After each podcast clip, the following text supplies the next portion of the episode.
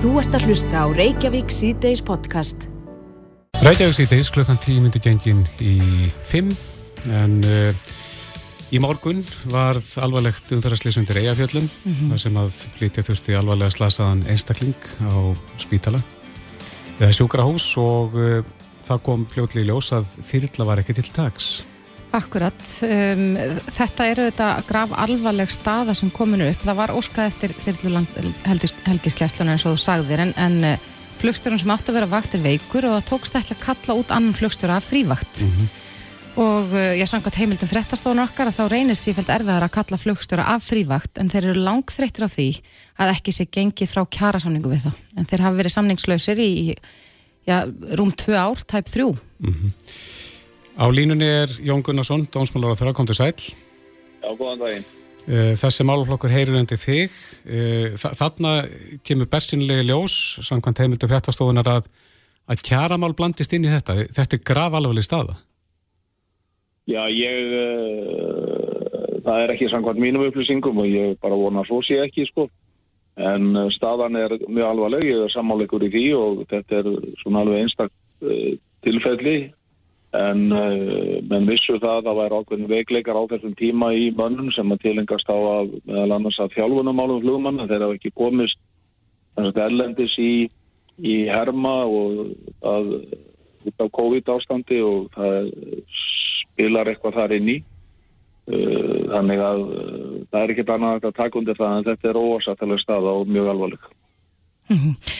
En, en nú, hafa, hafa kjaramálinn samt blandast inn í þessa umræðu og, og uh, nú hefur formadur félags íslenskra atvinnufljóman að tjá sig í dag og sagði að, að þetta sé nú ekki hluti af kjarabortu fljóman heldur eitthvað sem hafi verið yfirvofandi og í raun og veru samt í þessu viðtalegin á vísi.is beinir hann spjótum sínum að fjármálur á þar á samningar um dríkisins um, er, þarf ekki að gera betur og bæta úr þessu ástandi sem komið er upp?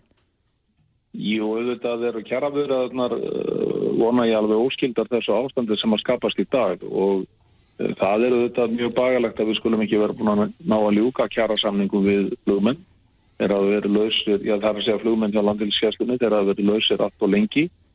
Uh, en við erum með sex uh, þyrrlu áhafnir uh, í þessum rekstri og, og það hefur meðal hans verið bent á það að til að vera með full mannað útal til að geta brúðist við á þessu stóra svæði sem að landilskestan þarf að geta brúðist við á sem eru 230 sjómílur frá landi að þá þurfa að vera til sjönda áhafnu uh, og uh, við höfum í fjármála áallan hér í tónsmálaráðundunni gert reyn fyrir því það var fjárveitíka valdin og alþingi að, að ekstra staðastofnunar til að geta haldið þetta fullu viðbræði sé Eh, úr henni þurfa að bæta og við gerum okkur auðvitað væntingar um að fá áhengni í þeim málum.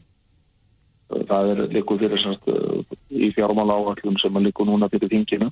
Mm -hmm. en, en hérna ég segi hún að setja sér algjörlega ótild nál kjara bara þannig þessar þessi óvarsættilega staðar sem kemur upp í dag vegna veikinda og þjálfunamála meðal annars og það mæst ekki að fá flugmenn á frívakt, einhverju voru út á landi og, og hérna aðstæður sköpuðust á þannig að það var enginn sem að gætt komið á frívakt til þess að sinna yfir þessu bráða útkalli og það er auðvitað bara algjörlega óvartræktalegt að við búum við þar aðstæður. Erstu búin að leita útstýninga hjá uh, gæstlunni í dag?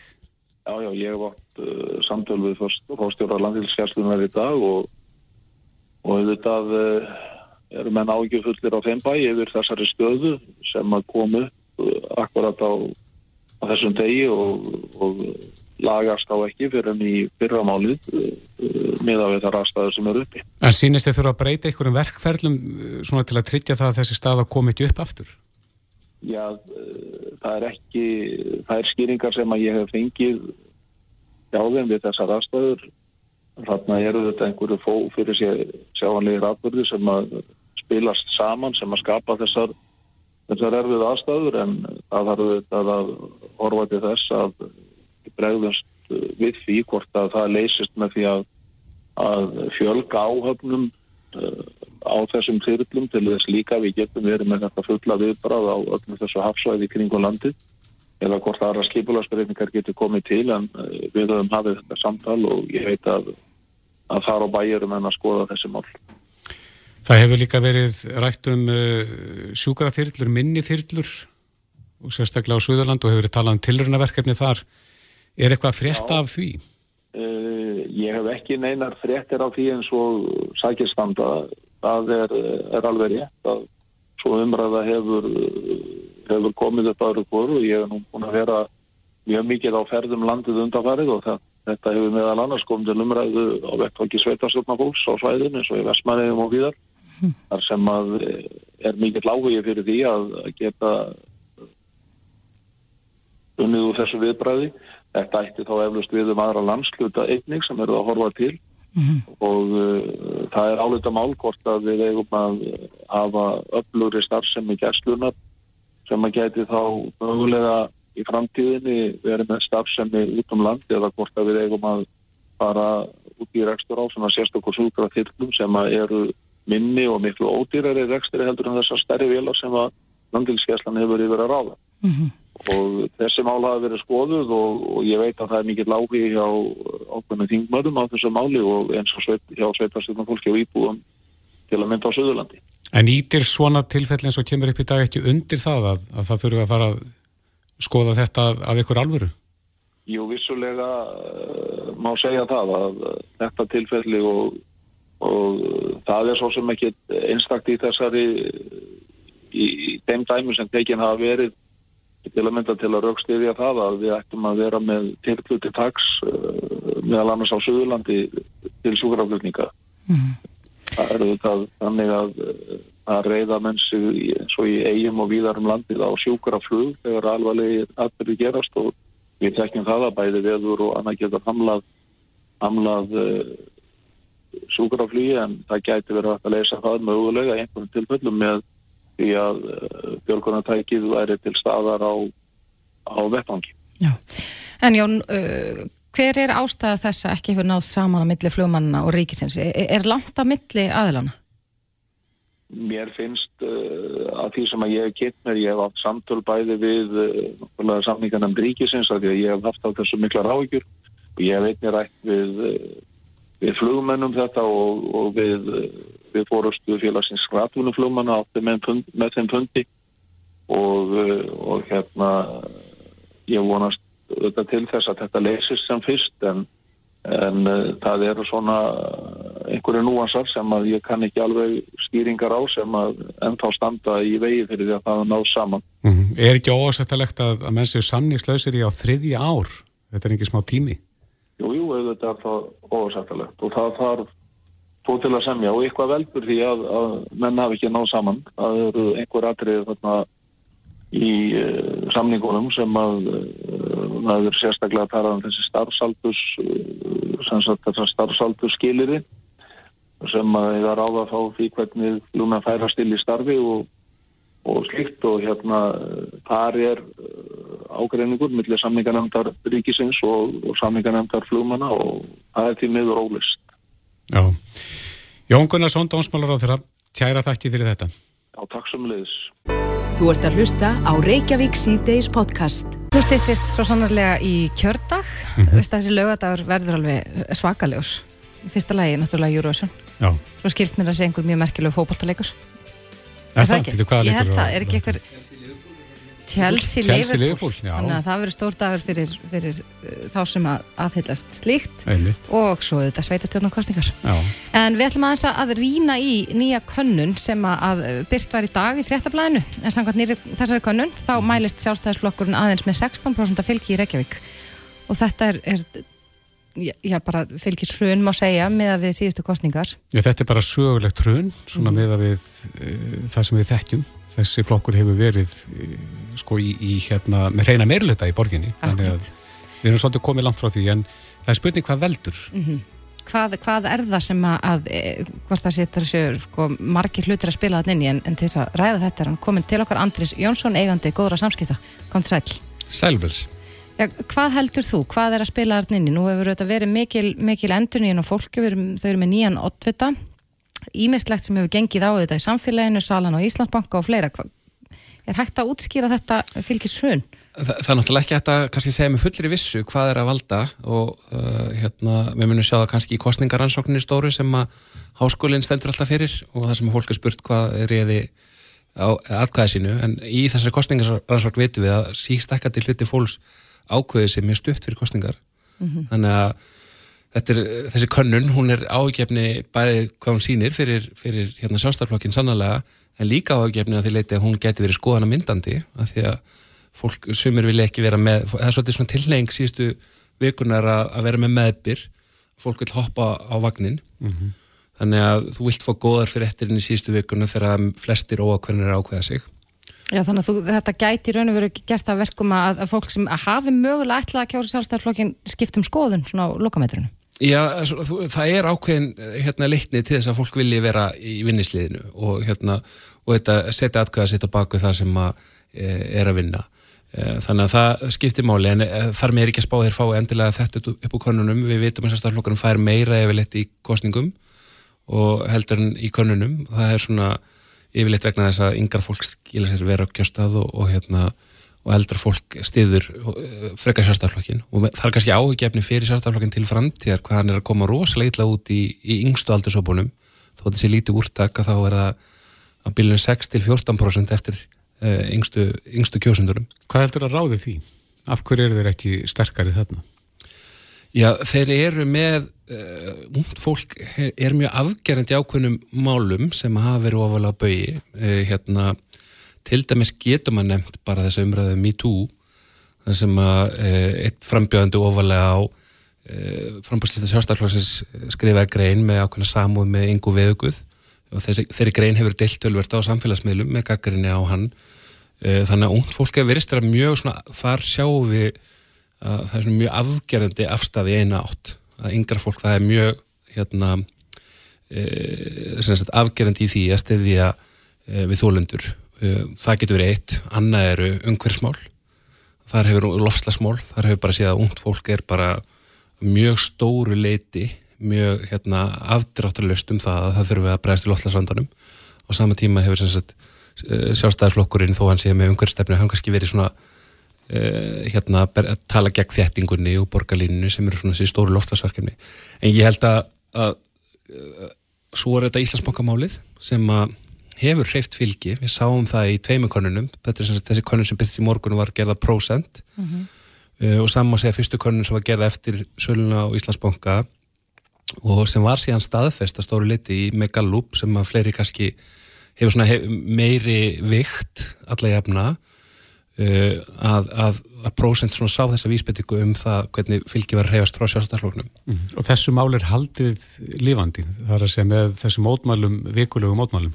Já, það skapar jafnvel þó þessi fáminn mútmæli tiltölulega að þá, þá heldur að visslega málinu lifandi og, mm. og, og hérna og í umræðinni og þá er erfitt að koma öðru þannig að úst, e, fyrir flokk sem ætlar að fella meir hluta þá þarf hann að ná, skapa eitthvað svona kontrast og, og fá að, okkur til að tala um eitthvað mál sem að e, þau vilja setja oddin en í staðin hafa verið þessi sömu mál það hef ekki verið nýmál að koma upp í borginni. Og svo mánlega segja líka þeim til vorkunar að borgamálinn hafa ekkert verið miklum brennendepli síðastleginn fjögur ár. Það hafa verið COVID, eh, það hafa verið stór mál á landsvísu, alþyggiskostningar í fyrra og, og stutt frá þeim, fólk svolítið þreytt á kostningum. Mm -hmm. Það er spurning hvort þetta gangi upp til að hafa svona, þessa kostningar svona nálat hver, hérna hvert öðru, fólk er pyrrað, mm -hmm. uh, ekki stuði fyrir, fyrir hérna sveitastunni kostningar.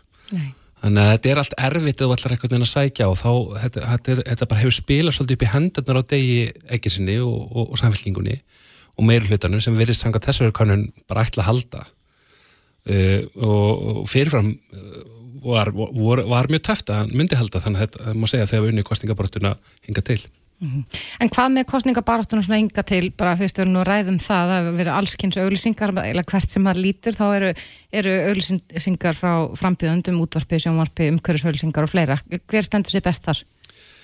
E, það er náttúrulega spurning sko hérna, e, hérna flokku fólksins náttúrulega síndi í síðustu kostningum með alþingiskostningunum að hann getur verið snjall í auglýsingum og það skilaði árangri. E, flokkurum fekk hvað, sex þingmenn.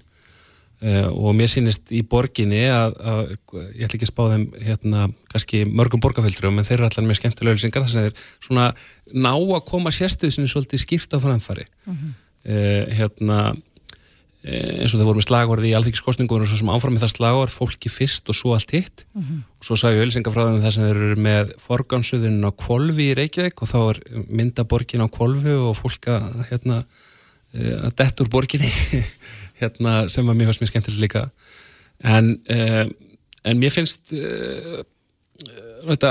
framsvonflokkurinn er yfirleitt mjög góður í, í markasetningu líka og þau er að mælast með þrjámenninni og virðist uh, hérna vera svona eitt líka sigurveri kostningabartunar.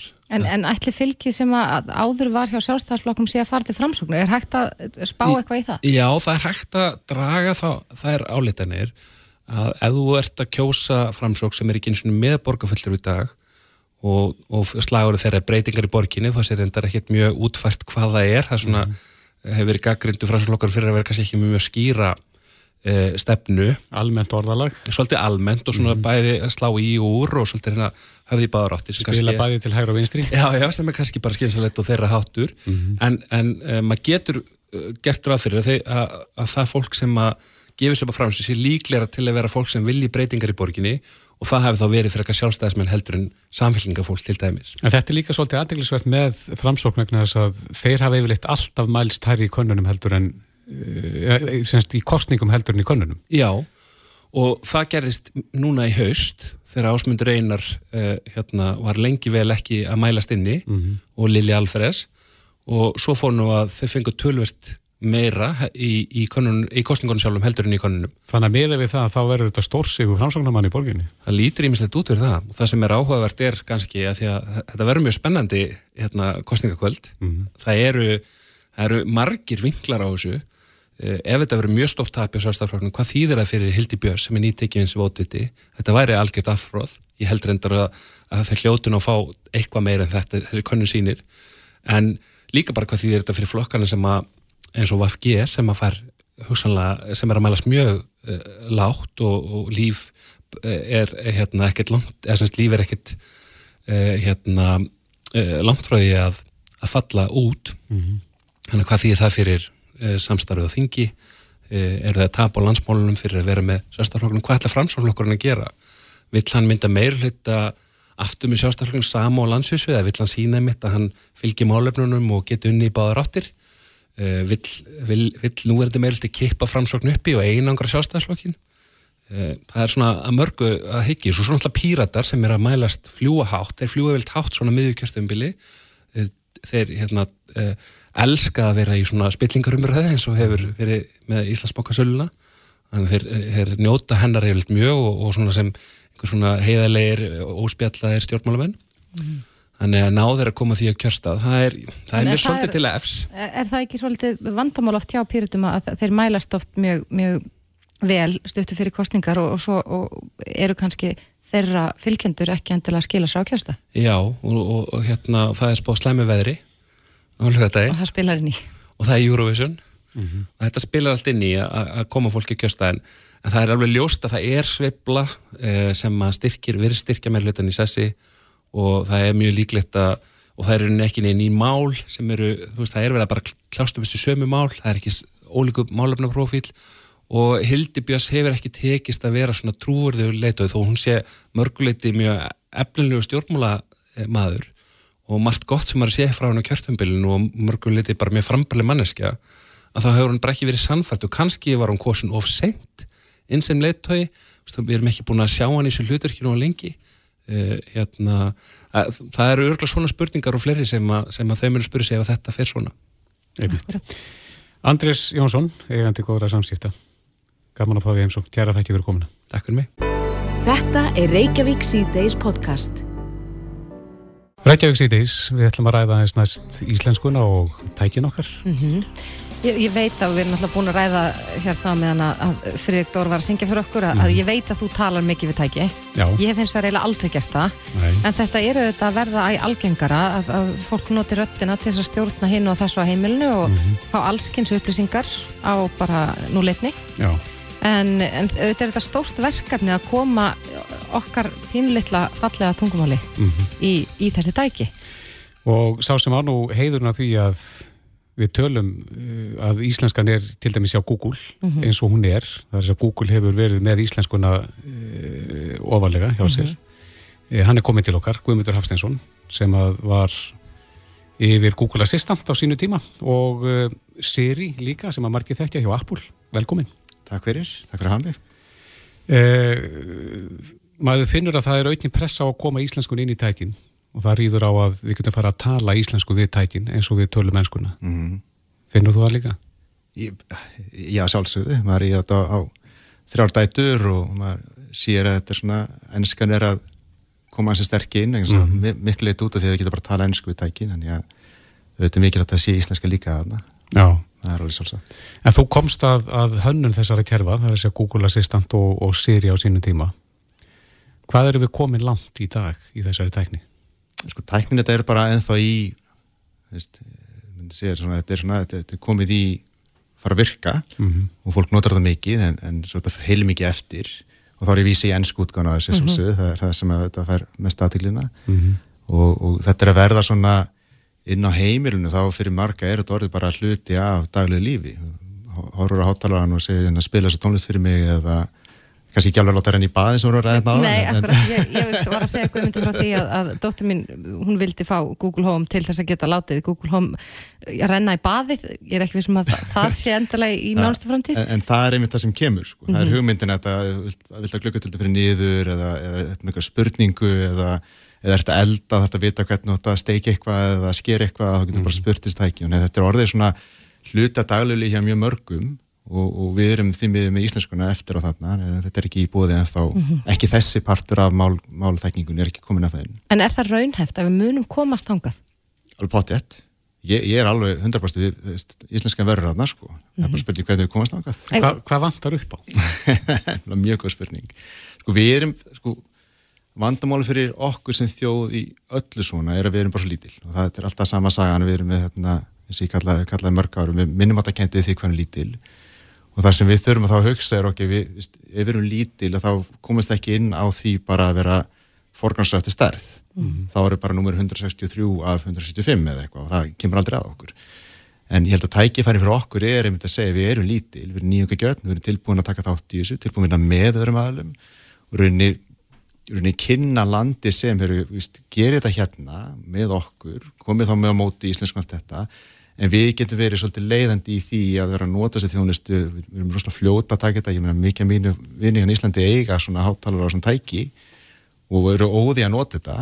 Þannig er rauninni að, að sko, sko, koma framfæri að við séum svo þetta tilbúin að vera tilbúin að plattform og við erum tilbúin að vera með þessum fyrirtækjum í því að koma þessu framfæri Akkurat.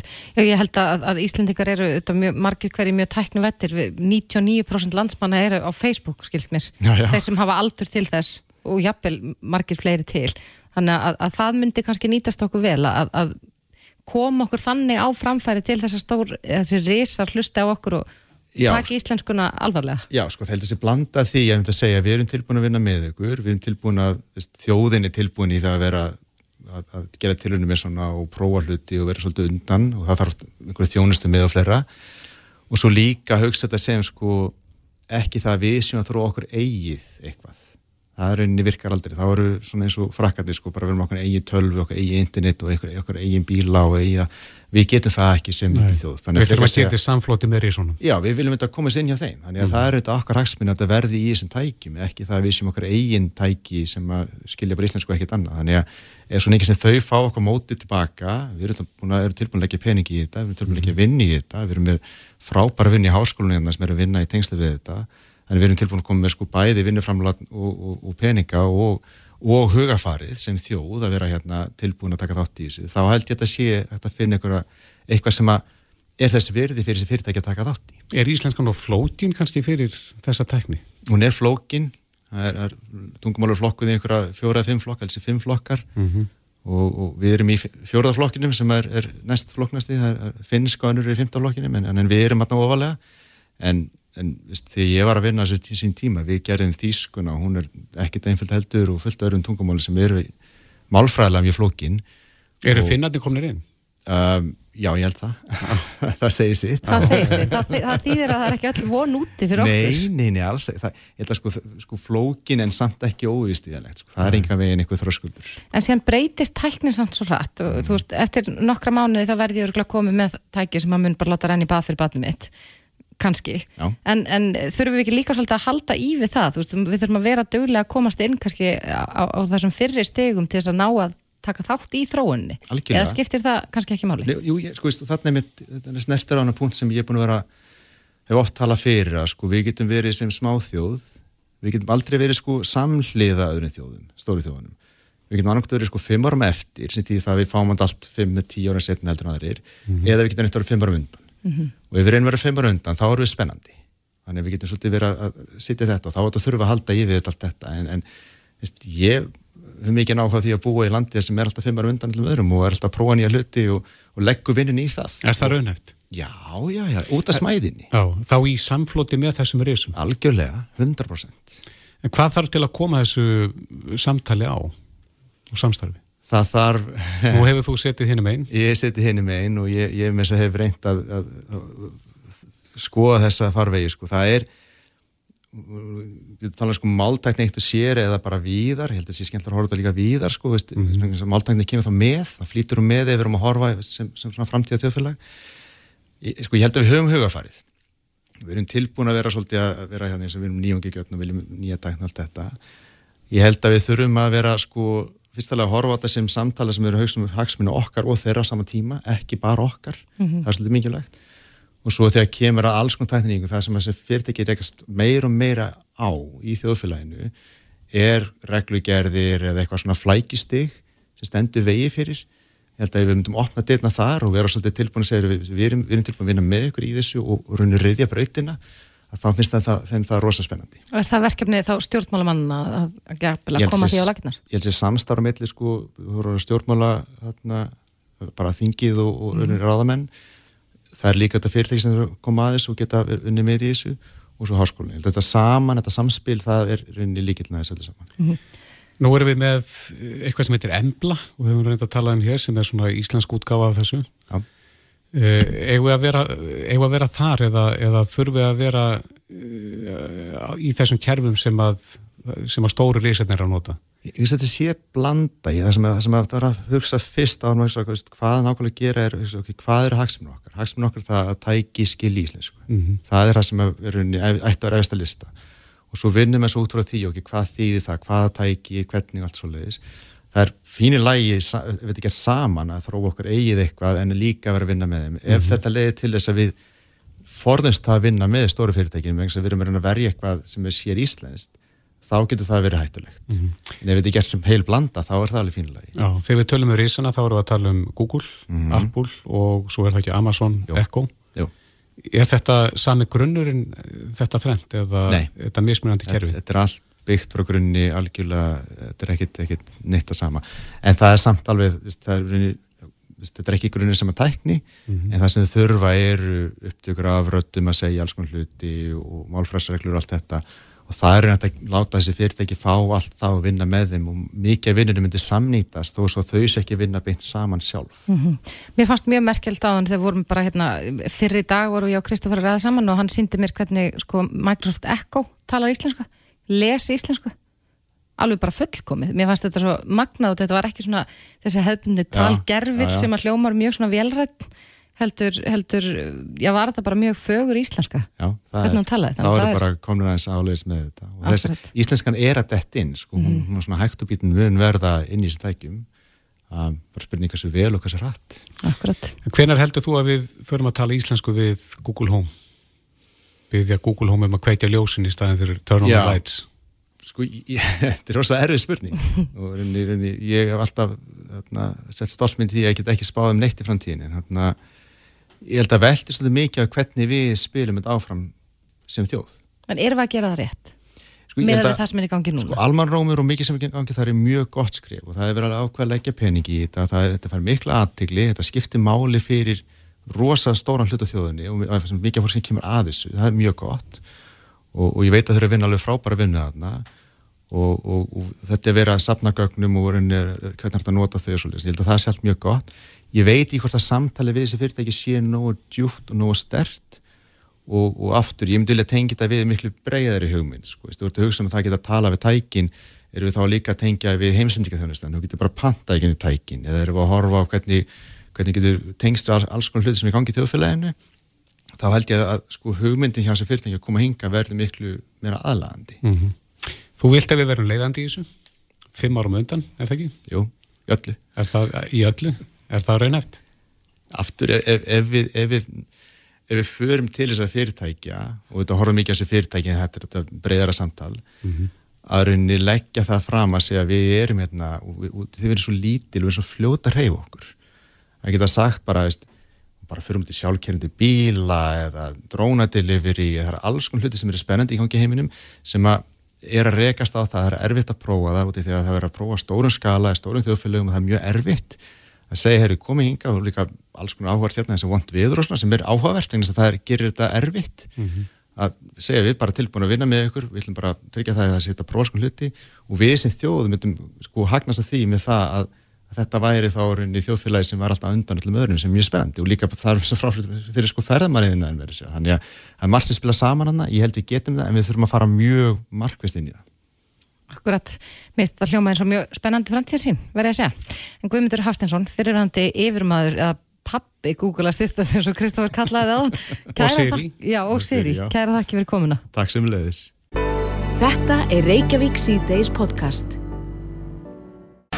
Reykjavík. Reykjavík síðdeis, oddvitaðspjalli heldur áfram, Einar Þorstensson, oddviti framsónaflokksins í Reykjavík er sestur hjá okkur, velkomin.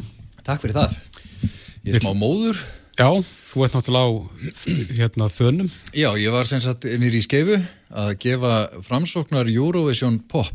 Uh, svona smá glæðningur fyrir fjölskyldur uh, inn í Eurovision kvöldið í kvöld. Við erum auðvitað að vera svona frekar illkvittin við þetta, þú komst ekki eins og með pop hand okkur. Já, ég veit að ég kláraði, það var slegist um þetta, þannig að ég kláraðist allt. Er það grænt? Nei, það er ekki grænt, það er bara venulegt en það er með, í, svona, með grænum miða. Mm -hmm.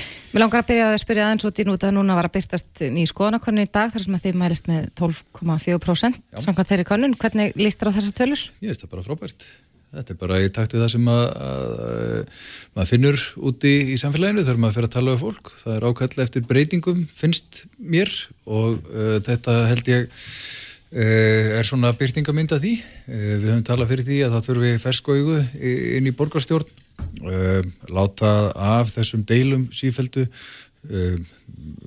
þekki þessi átaka stjórnmál sem hafa enkjent borgar stjórnar pólitíkina mm -hmm. endur speglast aldrei í því líka að, að tröstið á borgarstjórn er ekki nema 21% og það er lægst allra stopnuna sem Gallup mælir. Og e, það eru fleiri sem að treysta bankakerfinu heldur en borgarstjórn. Það er hérna held ég vegna þess að annars vegar að stjórnmálamennir e, þar sem er allt gott fólk gott fólk í, öll, í öllum þessum flokkum en þau hafa einhvern veginn komið sér í þá stöðu djúft ofan í skotgröfunum að þau eru hægt að heyri hvort öru þegar þau tala saman um borgamálin. En hvernig ætlast þú að breyta því? Með þú talar að, um breytingar og, já, og ég, ykkar ölsinga herfer snýst um það. Já, þessu til dæmis breytir maður ekki einn, en maður gengur undan með góða fordami og ég hef bara einsett mér það í þessari kostningabaratu að tala ekki ítla um fólk mm -hmm. og tala ekki ítla um uh, stefnum á lannara flokka. Eh, það má vera málefnuleg gaggríni og það þarf að vera málefnuleg gaggríni á aðgerðir á síðustu kjörtímabili. En ég hef tekið eftir því að eftir að okkar fylgi fór svona aðeins að vaksa að þá fóru, fóru fólk á Twitter að taka menn í einhverja status á og Facebook að reyna að kreista fram einhverja deilur.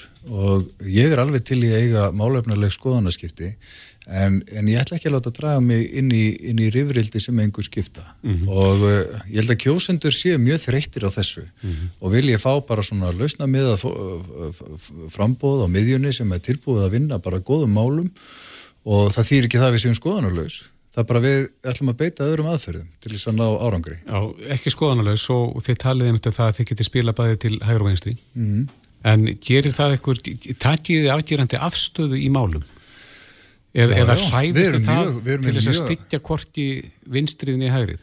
Ég, við erum ekkert í, í einhverjum svoleiðis leik sko. Við erum bara með mjög skýrar áherslur til dæmis í húsnæðismálum. Þar teljum við að það þurfa að gera mun meira heldur en hefur verið gert og meira heldur en áform núverandi meirulhluta eh, eh, ganga út á inn í næsta kjörtíðanbíl. Það er talað um að þjætta eða, eða eh, byggja, dreifa byggðinni? Þetta eða dreifa, borgarlína eða engabílin. Þetta er alltaf með eða móti. Þetta er alltaf sama trendið. Borgarbúar vita alveg að það þarf bæði að þjætta byggð þar sem að hverfin leifa og by- reyðja nýtt land og byggja ný hverfi. Uh, hvort tveggja þarf til þess að við náum árangur í húsnæðismálunum að því hér er mikill skortur. Uh, varðandi borgarlínuna, uh, 2040 mannfjöldasbornar segja að þá muni hafa á, hingað á höfuborgarsvæði sest að 70.000 uh, manns í viðbútt. Hvernig ætlum við að komast af í borginni og, og, og milli staða ef við gerum ekki hvortvekja að greiða fyrir leið uh, fjölskyldubílsins, uh, gera mislega gatnamót til dæmis á, á bústæðavegi eða, eða afreinin á bú, bú, bústæðaveg sem að, þannig að það stöðvist ekki alltaf umfyrin þar, sæbrautina í stokk og en um leið að efla almenningssamgöngur. Það er hægt að vera með hvoru tveggja. En við erum þrengja að, að bílnum, þetta nú snýst svolítið um það líka að borgarlína þrengir að engabílnum. Já, uh, sumstaðar er þetta spurning um plás og útfærslu uh, og uh, ég hef haft áhyggjur af því að uh, þessi meiri hluti sem nú stýrir borginni að hann ætli um of að þrengja að fjölskyldubílum eða engabílum, það þetta er svona uh, spurning hvernig maður horfir á það. Uh, ég, hérna, uh, borgarlínan þarf að fá sitt pláss í umferðinni, uh, hún þarf að hafa forgang til þess að hún sé uh, gagleg, þannig að fólk kjósi borgarlínu. Uh, það þarf að, að þetta eru stilliskrúfur, það er, það er einn uh, hérna, leggur sem að er áfangi sem er hannaður allir hinir eru enþá í, í frumhönnun. Og mér finnst bara mjög mikilvægt að, að framsókn komist að til þess að halda þétt utanum þetta verkefni þannig að, að, að, eh, þessi svona hvað á að segja stemming í meira hlutanum, gagvart bílnum að hún gangi ekki of langt. Að, að, að þessi tvö faratæki eða tveir ferðamótar nái að, að þrýfast saman. Af því að bílinn er náttúrulega uh, samgöngutæki borgarbúa númer eitt eins og staðan er í dag. En við þurfum að gera borgarlínuna uh, velugarði þannig að hún nái markmiðum sínum þannig að hún sé raunverulegur valkostur fyrir þá sem að vilja nota almenni samgöngur.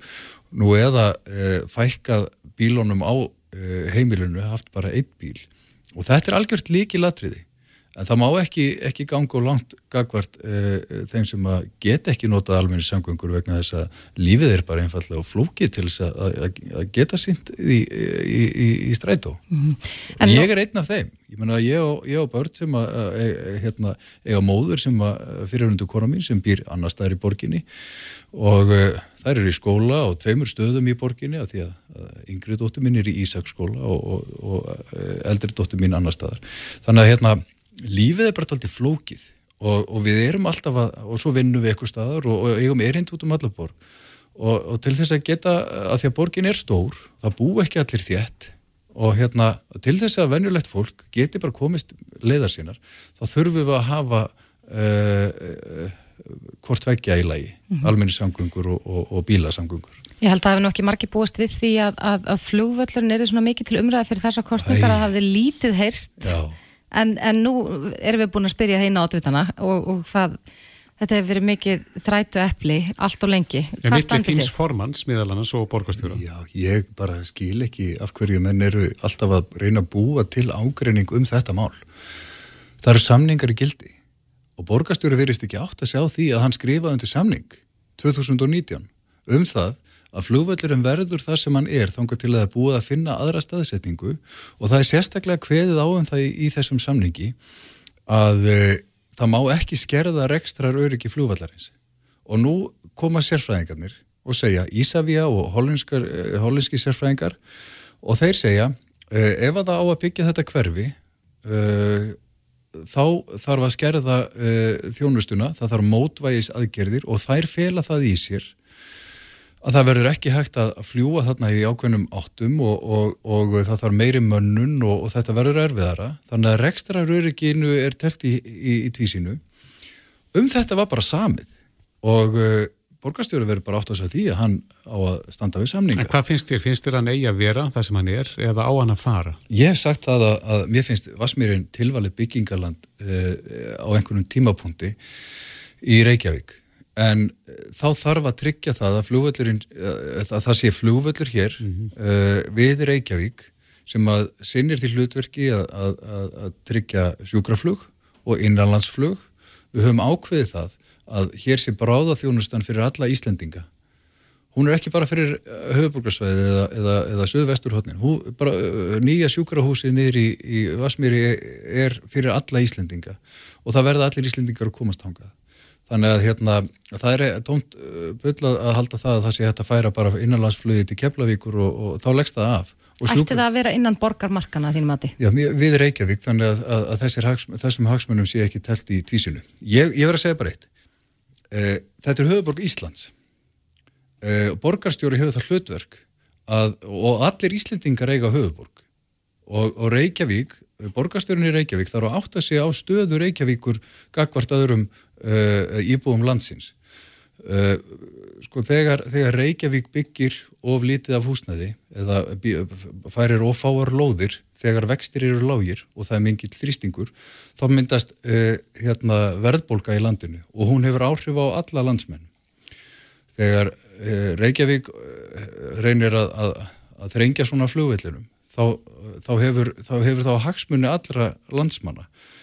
Ég, ég vildi vilja sko, stýra Reykjavík með þeim hætti að, að allir Íslendingar getur verið stoltir af sinni höfuborg og, og þetta er bara starra verkefni en svo að, að, að horfa bara á eitthvað blett á korti og segja hér vil ég byggja hús. Það er bara miklir hagsmunur í húfi fyrir alla Íslendinga. Mm -hmm. Já, við eh, held að við þurfum að fara að bráðum að, að skipta yfir á auðlsingar og mm -hmm. hér eftir smá stund þá opnum við fyrir síman og leifum ykkur hlustundur og kjósundur að syngja inn og, og, og tala við Einar Þorstensson, 8. framsóknar uh, millilega laust. Já, og símanum er hér eftir augnablík 567 11 11.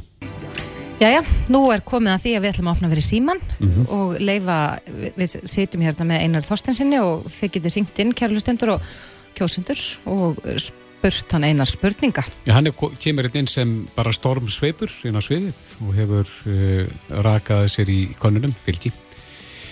En e, símanúmerið 5671111 ef þið viljið spyrja Einar Þorstensson millilega löst um stefnumál flokksins í, í borginni. Mm -hmm.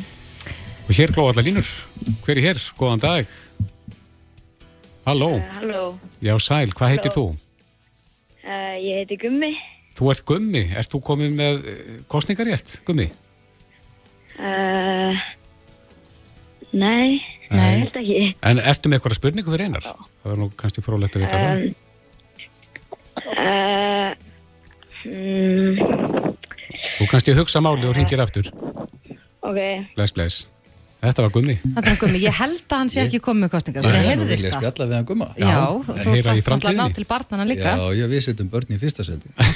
Frítt í strætt og frítt í sund. Já. En hver er hér? Góðan dag. Já, góðan daginn. Hvað heitir þú? Þóra heiti ég. Þú heiti Þóra, viltu spyrja einar?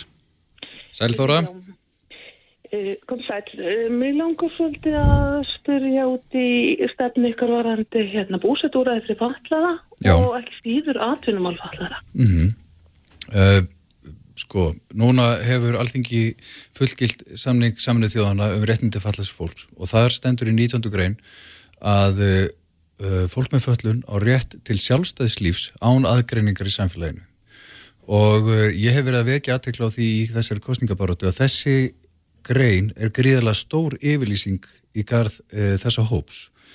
Og uh, á undanförnu kjörtífambili hefur verið byggt uh, talsvert á húsnæði fyrir uh, fallafólk og ég vil halda því áfram. Ég er nefnilega vil rosa meira hlutanum fyrir að hafa gert það þótt ég sé nú ekki með þeim í flokki En ég myndi vilja halda áfram uh, þessari uh, stefnu að byggja, byggja uh, vel og hratt búsut úræði fyrir þennan hóp og varðandi atvinnumálinn uh, þá er þá höfum við lært mjög mikið í COVID. Við höfum lært það að atvinnureikundur gáttu syngt svigurum starfsmönnum sínum, vinna heima, vinna á mismunandi tímum og alls konar sveigjanleiki og ég myndi vilja nýta það tækifæri í samfunnu við talsmenn eða og, og, og, og hagsmunna félög fallasfólks til þess að sjá hvort að við getum ekki eld atvinnu þáttöku fólks með föllun á þeirra forsendum að því að ég held að þessu mjög van nýtt tækifæri í þessum efnum. Mm -hmm. Og hér klóða allir línur og við verðum að láta dæluna ganga. Góðan dag. Góðan daginn. Hver er þar? Já, nafni mitt er Ólafur. Sæl Ólafur, erstu með spurningu? Já, ég er með spurningu. Það hefur borið svolítið mikið á að það eru rakavandamál í skólum og leikskólum. Mm -hmm. Og uh, þá er ég með spurningu til einars. Hafið þið tekið einhverja afstöðu til þessa eða hekkist þið gera eitthvað í málnu? Það er miklan. Já, ég er nú fegin að vera ekki Dagur B. Egertsson og þurfa að svara fyrir uh, skort á viðhaldi uh, skólahúsanna. Hann hefur verið uh, ráðandi í borginni í 12 ár sem formaði borgaráðs og, og svo, svo bæjarstjóri í síðustu 8 ár. Og þetta er, það var pólitísk ákvörðun að skera niður í viðhaldi og þetta eru vissulega sömstaðar gömul hús og ég hef samúð með þeim sem að tóku, voru að stýra borginni eftir hrun þá þurfti að skera niður en þetta er gríðarlega alvarlegt mál hvernig er komið fyrir uh, viðhaldi uh, skólahúsa og, uh, og núna er bakreikningurinn 27 miljardar minni mig að, að meira hlutin segist þurfa að setja í, í, í viðhaldið og endurbætur á næstu 5-7 árum. Það er líklega skemmtilegra að, að taka skóplustungur heldur en að, að skiptum glukka sem að leika en við verðum að komast á þann stað að tryggja það að þessi, þessi, þetta húsnæði sé í lægi það er, það er bara alvarlegt mál að þurfa að færa börn millis hverfa í bráðabyrða byggingar e, fólk hefur valið sér búsetu eftir jafnvel skólunum og, og, og, og hlakkar til að, að búa í hverfunum sínum og að börnin geti gengið í skólan og fólki í gott líf og svo bara verið að keira börn milli hverfa. Og þetta er bara lífsgæðamál þetta er, þetta er, þetta er eh, mjög sorgleg þróun og alvarleg staða. Og, og þessi tala 27 miljardar eh, hún sýnir bara alvarleika málsins. Við þurfum að, að, að laga þetta. Og við hérna í framsókn setjum skólamálinn og, og málefni barna í algjörðan forgang. Og við viljum stýra borgin út frá hagsmunum barna. Við viljum eh, eins og kostningalofvarðin okkar hafa nú kannski byrst við það en, en við viljum Eh, innlega farseldarlaugin inn í skólana þannig að börnin fái snemtaka þjónustu og fóreldrarna þurfu ekki að banka margar del til þess að fá úrræði fyrir börnin sín mm. og ímislegt fleira. Þannig að börnin skipta okkur móli Já, þetta var svar við miklu spurningunni en eh, hver er hér? Góðan dag. Góðan daginn. Hvað heitir þú? Ég heitir Ragnöður Særi Ragnöður uh, Mér langar að spurja um það sem ég er íbúð í bregðaldið mm -hmm og það er verið að tala um, hann talar um að þéttingu byggðverð í bregðaltinu. Hvað er hann að spá? Þéttingu hvar?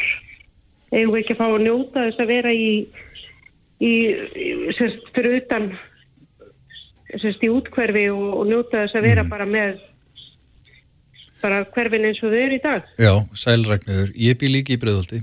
Ég bý í, í, í seljakverfinu og uh, ég uh, myndist á það að það væru uh, hverfi, það væru þettingarreitir sem að hægt vera að nýta í Gravarbogi og þá var ég að vísa til staðakverfisins og síðan í Breitholti það eru áformum þettingu í mjóttinni. Þau hafa hins vegar farið alveg úr böndunum eftir því sem verkefninu hefur, hefur undið áfram. Það var svona það sem ég var að vísa í. Ég veit að það er mikil óanæja í Breitholti með þettingar áformum en við þurfum að, að, að nýta það pláss sem eh, er til til þess að hafa skinsamlega uppbyggingu húsnaðis í hverfanum. Það getur stutt við uh, þróun hverfana, eld þjónustu og, og, og fleira. En þetta þarf að, ég fór á íbúafundi í breðaltinu fyrir svona í upphafi kostningabarátunar og, og það var mjög sláandi að heyra hvaða mikil reyði varðandi þau áform sem eru uppi í, í mjótinu og víðar í, í, í breðaltinu. Mm -hmm. Akkurat, takk fyrir þetta Ragnæður en ég var að fara á næstu línu, góðan dag Hæ Hver er þar? Nadja, Sæl Nadja, erst þú með spurningu fyrir Einar Þorstinsson? já. Uh, gangi vel lögdæn og er ekki bara best að kjósa framsá? Akkurat, Nadja, takk fyrir þetta. Þú búin að borga henni fyrir þetta? Nei, Nadju? nefnilega ekki. En takk fyrir góða kveðju. Já, þetta var Nadia, en hver er hér, góðan dag? Uh, þann daginn. Ég er það að spyrja hvað það er að gera í húsnæðarmálum. Hvað heitir þú fyrir ekki, við byrjum á því? Uh, Dísa. Það er Dísa. Sældísa, við ætlum að byggja meira hraðar og fjölbreyttar á húsnæði. Það er það sem við viljum gera. Við viljum að, að það séu byggðar 3000 íbúðir á ári. Það er markmiðið. Það þarf að byggja bæði að, að hófsama þéttingu þannig að það sé í samræða við íbúana. Það þarf líka að reyðja ný, nýtt land í keldu, keldnalandinu og, og, og, og útluta meira í Úlfarsardal og svo má byggja upp á uh, Kjalarnesi. Það er hverfi sem að þarnast sárlega uppbyggingar að því að skólinn er að tæmast af börnum og þau fá ekki strætóþjónustu og sorpþjónustu og það er bara alvarlegt mál. Þessi meiri hluti sem að hefur stjórnað undarfarin uh, átta ár Uh, hann hefur staði vegi fyrir því að það sé útluta loðum þarna og meðan fækkar börnunum í skólanum og, mm. og dreygiður á þjónustunni þannig að við viljum bara kröftuga uppbyggingu aðtunuhúsnæðis en líka í gegnum leigofélögin sem eru óhagnaðadrifin uh, við viljum fjölbaretta búsettukosti og líka uh, útvega loðir fyrir fleiri tegundur af íbúðum heldur en bara blokkaríbúðum mm -hmm. Einn spurning og sal, hvað með sundabrödd? Sundabraut, já þarna ertu nú að, að tala við mikið áhuga mann um sundabraut. Við framsóknarmenn erum bara mjög uh, áfram um það að keira það verkefni á, af stað. Sigurður Ringi hefur uh, látið gera hverja skýsluna á fætur annari núna, þrjár skýslur sem eru góður grundvöldur að þessu máli, að þessari framkvæmt og núna er þetta loksins orðið komið af hugmyndastígi mm -hmm. yfir í raunverulegt verkefni. Ef, að, ef að þú kemst í valda, Já. verður þá hafist handa strax? Já, sjálfsögðu. Það er nú þegar komið, komið það verður að skipa verkefnistjórn, svo fer fram uh, hérna rannsókninnar, umhverfismatið og leiðavalir. Þetta er svona það sem gerist á, á þessu kjörtímabili. Við viljum flýta þessu verkefni eins, eins hratt og hægtir. Það er sko, umferðin á höfuborgarsvæðinu mun dragast uh, saman um 150.000 kílometra á sólaring ef við fáum sundabraut. Þetta gal opnar hérna uh, tækifærin fyrir kjalanes og jafnvel fyrir geldinganes þegar framlýða stundir, léttir á allir umferð og er bara óbúðslega hagkvæm framkvæmt. Þetta er skýslunar segja það, félagshagfræðilega greiningin, þetta er hagkvæmasta framkvæmt Íslandsögunar og uh, við sko við höfum séð það að, að, að, að meiri hlutin í borginni hefur dreigið lappirnar og beinlínu staði í vegi fyrir þessu og það var ekki fyrir en núna þegar að Sigurður Ingi kynnti skýsluna um, um, um ábatan af þessu að þeir sögðu ok, við getum ekki staða á móti þessu en, en svona, enn eru skipta skoðanir inn í þessum flokkum og, og, og engin pólitísk fórista fyrir því mm -hmm. að keira þetta mála áfram. En það ætlum við framsóknar fólk að gera. Akkurat, þá förum við á næstu línu, góðan dag Halló? Já, góðan daginn. Góðan daginn. Gísli heiti ég. Fyrir ekki, hvað heitir svo? Herru, Gísli. Gísli. Sæl Gísli. Herru, já, herru, þú næst að hérna borgarlínunni og að það væri hérna þjóðráð að koma fram svona flokki hérna að í borginni til þess að halda velum verkefnið. Mm. Endilega leiðréttum við hefur rámt fyrir mér. Er ekki samgöngu sáttmáli höfðbruksvæðisins, skrifar undir á vegagerðinni og öllu sveitafélum á höfðbruksvæðinu. Jú. Hver sér um vegagerðina hérna á Íslandi? Er það ekki framframflokkur? Er ekki þið nógu mikið í þessu máli? Jú, það er, það er reyndar alveg á réttjáður að, að við höfum náð árangri með samgöngumálin.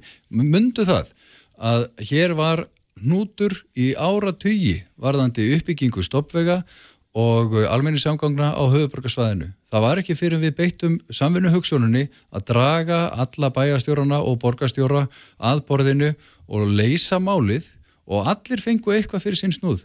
Það kom hérna öflutt almennings samgangnakerfi sem heitir Borgarlína og uh, stoppvegir uh, hérna greiða fyrir umferðið engabílsins og hjólastígar, göngustígar, umferðastýring, mm -hmm. uh, undirgöng og göngubrýr allt í einum pakka og þetta er leiðavísirinn inn í framtíðina um það hvernig við ætlum að takast á við umferðar hnútana. Steyðið þið borgarlínu í þeirri mynd sem hún er sett fram núna? Já, ég meina, það er ekki eins og búið að setja hana fram í endalegri mynd. Hún er enþá í hönnun. Þannig að þeir sem er að tala um það að það þurfa að endur skoða einhvern veginn áformin, meina, það það bara halda vel utanum áformin. þannig að þau þjónu í sínu markmiði. Akkurat. Ná við einu menn er við, Hvað segir Bræði? Einn örstuttur. akkurat, hver er hér góðan dag? Fyrirgeðu, hvað heitir þú? Ómar Jónsson heiti ég. Sælómar, stutt spurning. Uh, mér langar svolítið að forvitnast hver stefna framsóknarflokksins er varandi skotýrandasvæðinu på Ásnesi. Já, uh, ég var nú íbúið að fundi upp á, kjál, uh, upp á uh, Kjalanesi um daginn og þar hafa íbúarnir verið ofbóðslega ósáttur við skotuðisvæðið, eða skotæfingasvæðið, mm af því að það, eru, það er mikil háaði frá því. Uh, ég uh, hef ekki náttúrulega verið í borgarstjórn, þannig að ég hef ekki komið að ákvarðanatöku um þetta mál, en ég heyri óanægju íbúana, þeir uh, kvarta mjög undan þessu og líka þarna sé blímengun sem að mér skilst nú að, að menn séu hættir að skjóta með blíi þarna núna. En það sé þó í fjörunni en þá óhreinindi og mengun. En svo hef ég líka heyrt frá skotviðmönnum sem að uh, vilja fá að æfa sig einhver staðar Og hver er lausnin? Já, það er bara mjög góð spurning. Ég hallast að því að hlusta á íbúa uh, þarna. Ég menna, við vildum, mynd, það myndi engum detta það í huga að setja þetta skotæfingarsvæði í hljómskólagarðin. En það er þarna upp frá og þar eru bara fólk líka. Þannig að ég myndi vilja sjá hvort að það væri ekki hægt að finna þessu annan stað. Ég veit að lögreglan og sérsveitin er farin að æfa uh, suðu með sjó og uh, það er nú ekki langur akstur að fara þangað. Uh, þannig að það þarf hins vegar að leysa þetta vandamál og það þarf að reynsa, reynsa uh, svæðið þetta í kring líka. Það er kostnæðasamt. Akkurat. Já, þetta var hann Ómar Jónsson með spurningum þetta en, en Einar Þorstinsson, oddviti framsóknarflokksins í Reykjavík. Við bara þakkum þér kærla fyrir komuna og þakkum auðvitað hlustendum Já. og fjölmörgur hlustendur sem ringdu inn með, Gaman að heyri þeim. já, virkilega. Kæra þakki fyrir komuna. Eitt bara lókum, ertu bjarsinn? Ég er mjög bjart við. Það er gaman að að hitta kjósundur. Ég er búin að vera út um allaborg, fór í frábært kaffi í Raunbæ í morgun með eldriborgurum. Þar var Þorgir Ásvaldsson og spilaði á píanó og allir sungu og þetta var ótrúlega skemmtilegt. Það er bara, borgin er að vera græn og, og falleg og, og framsók áttur að slá í gegn í vor. Ok, eitt að Um lokum. næstu helgi. Komist við áfram í Júruvísun? Já eða nei? Guð minn almáttur. Ég vona það. Ég er mjög uh, hérna, peppaður fyrir þessu. Akkurat. Kæra þakki fyrir komuna einar. Takk. Reykjavík síðdeis á Bilginni podcast. Jæja, klukkan að ganga sjö og það er fara að stýttast í stóru stundina.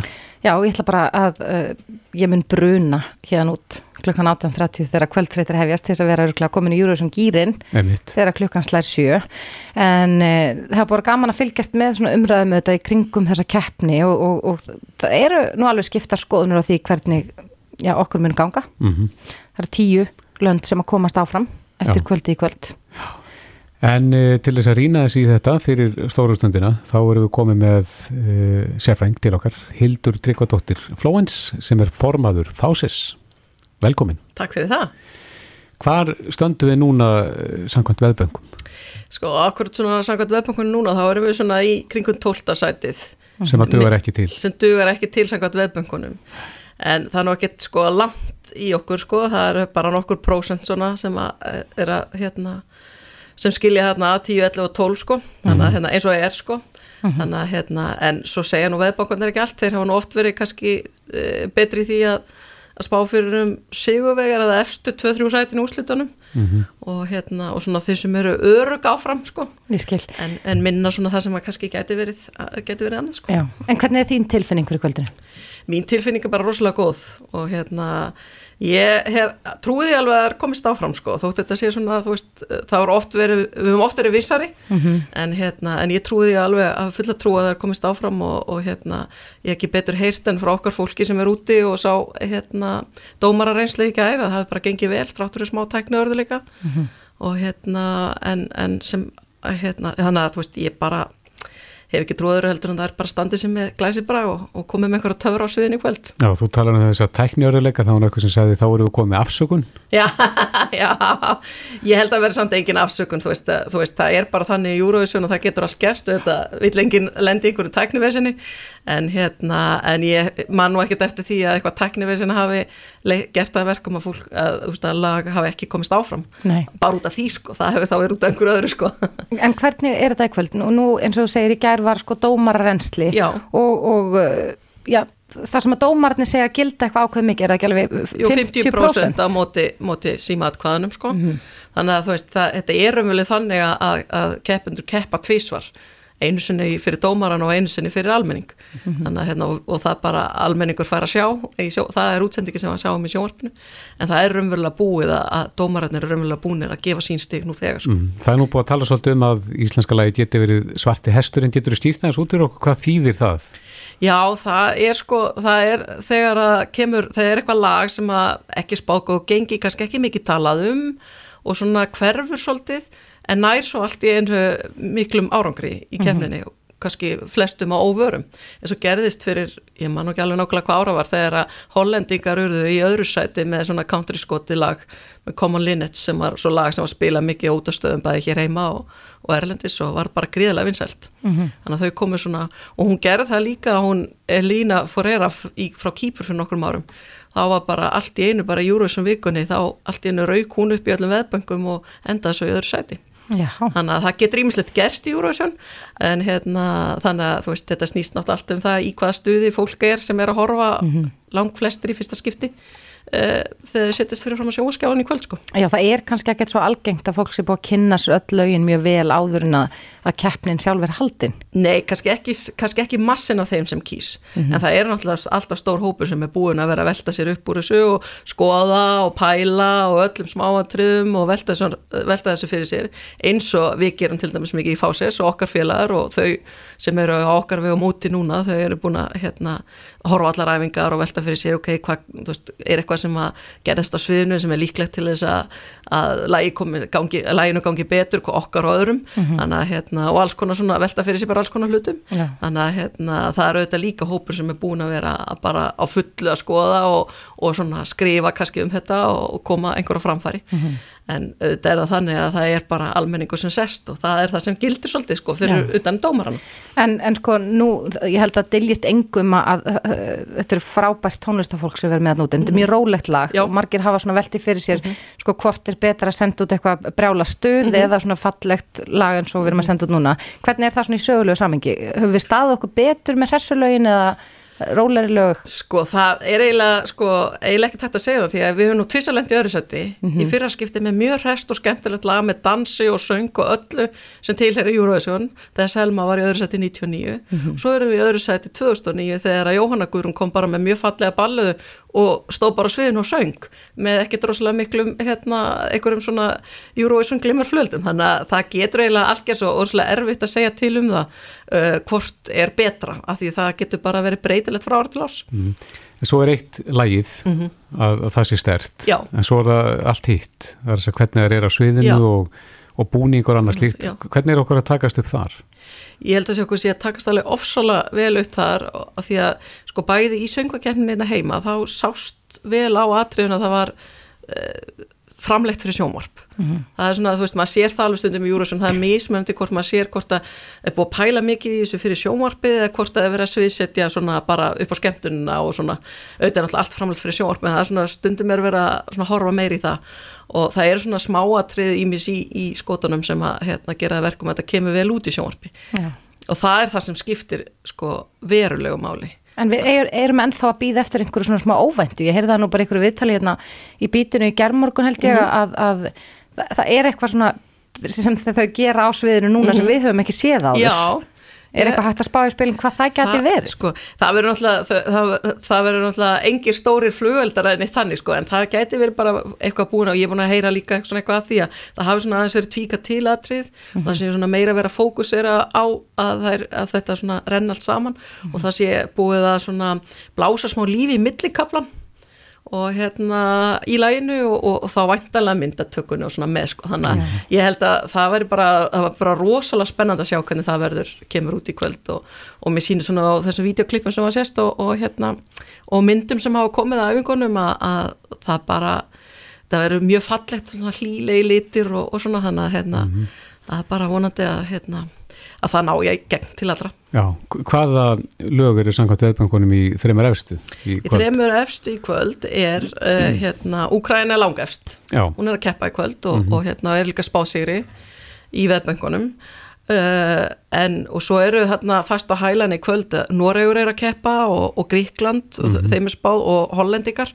þetta er allt þjóður sem er spáð bæði góðu gengi kvöldu þetta og svo líka á lögadæg En Úkraina kemur til með að stela senunni, alveg gjörsamlega. Já, það, það er bara eiginlega alveg gefið sko að, hérna, að þau muni allavega að fá mikla aðtikli og það er líka bara, það má ekki gleyma því að þau eru með gott lag sko, þau eru Mhm. með flott lag í Júrasjón og, og alveg óhæð því hvað er að gerast þá hefðu þeim öruglega gengið vel, hvort sem er Akkurat. þannig að hérna, en þau hefur kannski ekki alveg slegið sér svona mikið í topparátuna Nei. En hérna, svo veit maður, svo bara er aldrei að vita hvað gerist sko, hvort, að, hvort að það verður að þau sigri eða að lokum eða hvort að einhver annar, eh, einhvert annar lag stili sennunni sko. En, en hvernig er það eins og fyrir þig? Nú ert þú hérna, formaður fáses og, og ef við verðum svo óheppin að komast ekki áfram Já. er, er lögadagurinn samt jafn skemmtilegt kvöld? Já, alveg jafn skemmtileg En þannig að þetta snýst ekkit endilega bara um íslenska framlæð heldur bara keppnin sem slík Já, fyrir, fyrir okkur sem eru svona miklu rátáðandar um að velta þessu fyrir okkur allan ásins ringröfulega sko, Mm. þá er þá raunverulega, er skiptir það ekki höfumáli hvort Ísland er með á, á hérna á lögataskvöldinu eða ekki bara upp á skemmtarnagildi, en það er auðvitað miklu það er skemmtilegra að vera með og, og svona, en, en veist, það tekur ekkit að skemmtuninni sko og svona gleðina að horfa á þetta og velta sér fyrir sér en það, alveg fjöldin allur öðrum lögum sem er líka gaman að skoða og hlusta á. Hvað heldur þú, komist þú upp? Já, ég spáði því að við komumst upp, ég bara bjart sín í Mhm. hérna, það, við erum svona alveg að, hérna, svona á brúnin í böngunum og það er svona eitthvað smá hérna, umræðum þetta og svona og svo er það bara svo hérna ótrúlega professional og flottar og, og lægið er þó að það sé rólegt og svona lástemt og er samt svona eitthvað í því sem er svona að það gleymist kannski ekki alveg sko. Er ekki gott að fá nokkur stig frá öllum, heldur mörg stig frá fáum? Uh, jú, oft er það þannig, það hefur verið þannig Úkræna vann nú þannig 2016 Mhm. að hérna, hún var í þriðarsæti uh, áður en að hérna, eða þú veist, það var umvel að þannig að Ástralir unnu dómarakostninguna og rússar unnu hérna, unnu símakostninguna en Úkrænumenn unnu Eurovision Já. Er Rússland með? Hvernig, Rússland, hvernig er- Nei, það? Rú- Rússland eh, fekk ekki heimil til að keppa í ár Það var eitthvað svona að fara Já. svolítið fram og tilbaka Já, með það það var, á þetta var tímbili. bara umræða strax í, í, Mhm. í kringum innrásuna og, og EBU tók þá ákvörðun að- að leifa þeim ekki að keppa og hvítrúsar keppa ekki heldur. að, að þe- þeir ákveða það sjálfur. Já. Ein spurning kannski lókin, hver vinnur Júrósson? Já, sko, þú veist, það gæti verið Úkraina en það gæti þetta líka verið, ég segi þú veist, það er ekkit ólíklegt að, að hérna, uh, að annarkvort bara, sko, hérna, svíjar, bretar eða, hérna, eða ítalir. Það væri nú Hérna. svolítið sögulegt fyrir breyta að vinna, þeir hafa nú ekki verið sérstaklega hefnir undanfarnin Nei, ár með hafa, nei, þeir hafa ekki riðið feitum hesti frá keppninni Nei. undanfarin ár og bara gengi hróðalega oft. Og, Þeir eru sterkir í ár. Já, þeim er spáð góða gengi, það er einhver hérna, maður sem að er hérna, með marga miljónir fylgjenda á TikTok og það vil nú oft telja þannig að við sem ekki erum á TikTok við vitum kannski ekkit hvað það er. Einmitt. Já, Hildur Tryggvadóttir, Flóens, Mhm. Við segjum bara gleðilega hátíð og góða skemmtun það. þ- þessa vikuna. Þetta er náttúrulega bara ein allsera veisla þessa viku. Já, heldur betur. Takk fyrir komina. Já, takk fyrir mig. Reykjavík síðdeis á Bilginni podcast. Það byrtist fréttin af vísipunktur í sig gær, Mhm. þar sem að sagt var að framkvæmdastjóri hopp í Reykjavík byðla til manns sem að grunaður um að stunda stórfæld stemdaverk á raflöpahjólum fyrirtækisins sem að gefa sig fram. Mhm. En hann stunda það sem sagt að bensla hjólin, först. Já, ég, ég verði núna eiginlega að viðurkenna uh, svolítið. Já. Ég þurfti að googla hvað það er að bensla. og því ég hreinlega skildi ekki alveg fréttina en, en hann er sagður að hafa stundað lengi að, að bensla bremsur fastar á hjólunum Mhm. og gera það þannig ónótæf. Já. En uh, framkvæmdastjóri hopp Reykjavík er komin til okkar, Sæjun Ósk Unnsteinsdóttir, velkomin. Takk. Já, þú byrtir mynd af manninum, það náðist mynd af honum eða ekki, það sem að var ég- að daksa við það að bensla. Jú, ég fekk, ég vil að tala um þetta í mínu nærumhverfi vegna þess að okkur, þetta hefur svona skapað smá vandræði í Mhm. vinnunni hjá okkur og hérna, svo fæ ég bara senda myndi frá vinnum mínum í gær Mhm. af uh, manni að fremja þetta verkefni Mhm. og ég í svona sakleysum mínu bara hendi svo netið, áttaði mig kannski ekki alveg á hvað ég var að gera Mhm. en hérna, það var til þess að hann gaf sig fram í gerkvöldi, sendi Mhm. mér e-mail og ég bauði honum í kaffi og hann kom og hitti mig í morgun En, en þú sagður sko í fréttum í gæra að, að hann væri greinilega mjög reyður út í ykkur og þið langaði hreinlega bara að vita af hverju hann væri að gera þetta. Hver voru svörin? Já, sko, ég, ég vissi alveg hvað þetta var. Ég vissi alveg að hann væri að mótmæla ykkur.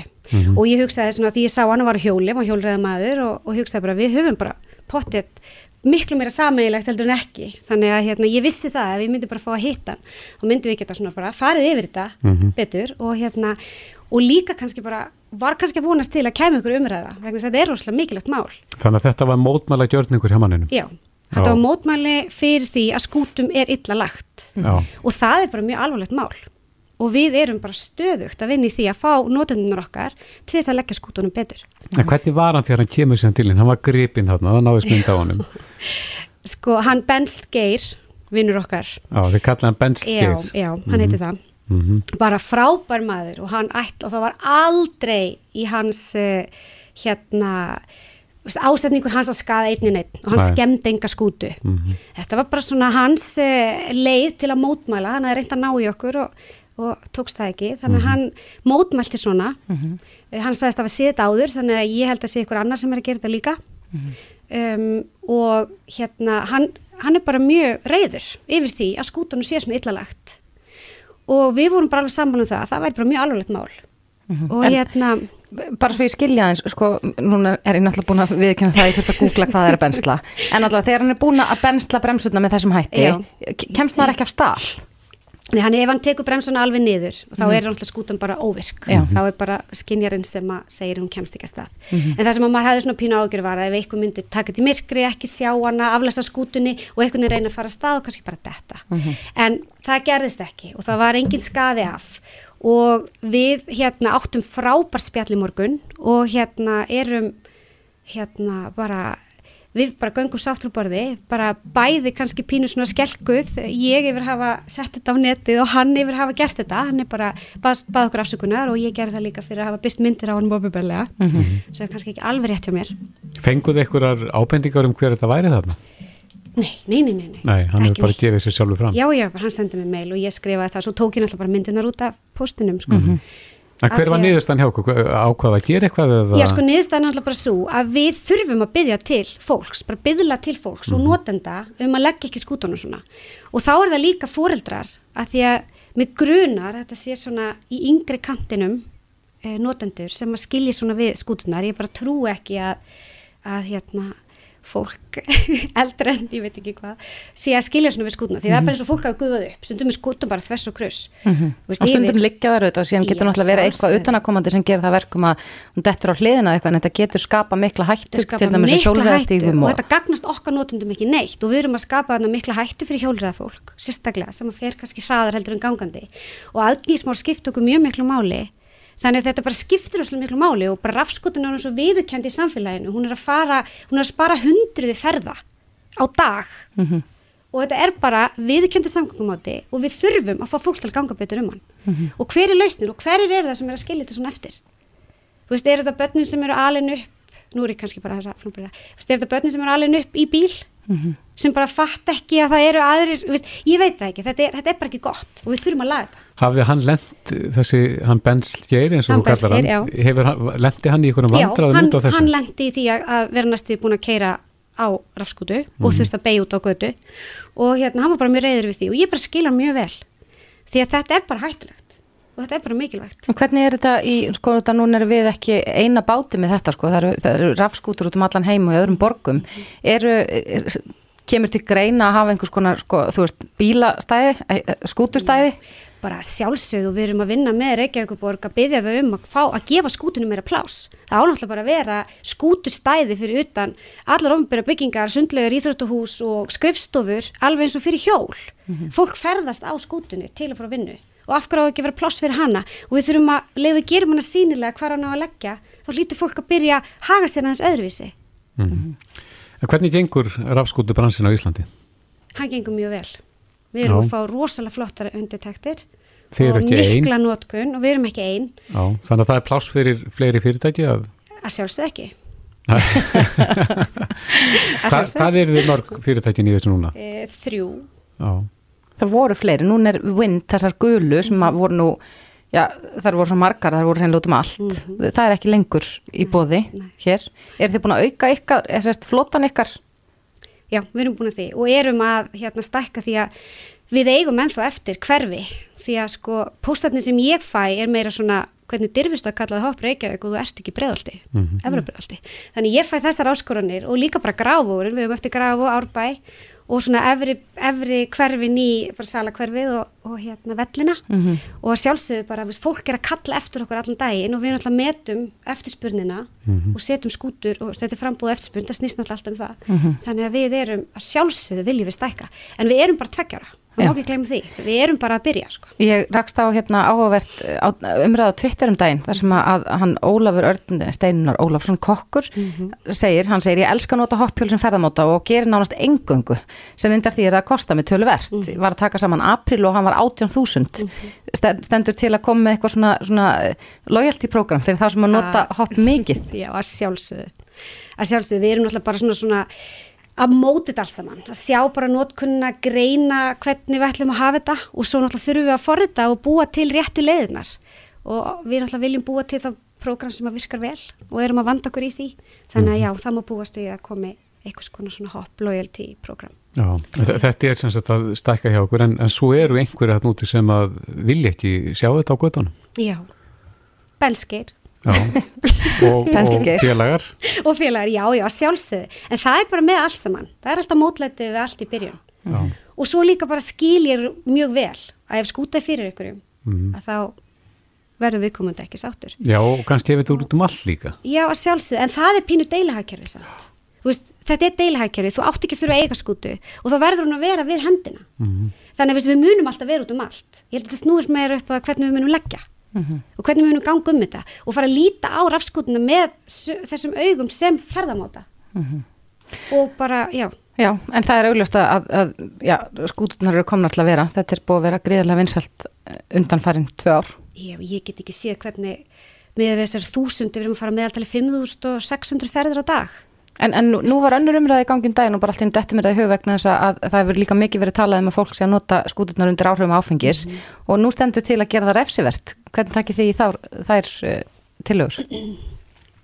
sko sem er bara frábært að hafa settur ykkur hópur af stað til að tala um öryggi af því að ef við skoðum bara þú veist þegar að hérna einu sinni þegar bílarnir þegar var að gera auðlýsingarnar fyrir öryggi með bíla og umferð þá var það ekki Benz eða Volvo sem bjóti þessar auðlýsingar heldur var það samgöngustofa og, og í rauninni samfélagi sem að ekki, veist, að, hvað segir maður, hérna, óbyrgur stofnunni sem koma Mhm. að stað með þessi átök. Og það þarf að gera það líka fyrir rafskútunar við þurfum miklu meira umfjöllun um öryggi. Og ef að stjórnvöld halda það að sekta fólk undir áhrifum sé rétt, þá bara þurfum við að virða það því við viljum öryggi fyrir notundunar okkar. Mhm. en ég hef samt ekki trú að það muni virka. Nei. ég, já, búð og bönn og, og reglur og eitthvað svona kannski eitthvað sem að En ekkert og áfengi er kannski enga samlið alveg sama hvaða aukutæki já, er um að ræða. Ég held að fólk þurfi bara aðeins að líti einn barmáður en það ætlar að valda rafskútu þegar það getur ekki valla gengið sko. valdi sjálfu sér Já, akkurat. Já. Ég setja bara að vera pínu svona út að líta inn á við sko. Mhm. Já, Sæjan Ósk Unsteinsdóttir, frangatstjóri Hopp Reykjavík, við erum allavega ánað að þú og Benslger séu bara sátt, gangið sátt frá borði. Takk Já. kærlega fyrir komuna. Takk. Já, og við komumst ekki lengra að sinni við ætlum að fara stíkt yfir á fréttastúðuna Og svo er, er bara styttist aldels í stóru stundina þegar að Eurovision hefst á klukkan sjö. Já, við krossum fingur, vonum að sýsturnar komist áfram í lokakefnin á lögadaginn, en við minnum á að viðtölin er öll komin inn á vísi.is og hægt að hlusta í gegnum Bildju appið. Við ætlum að sjálfsögðu vera aftur með ykkur hérna á morgun á slæginu klukkan fjögur. Já, Þordís, Brægi og Kristófi þakka fyrir sig. Áfram Ísland. Hlustaðu hvena sem er á Reykjavík C-Days podcast.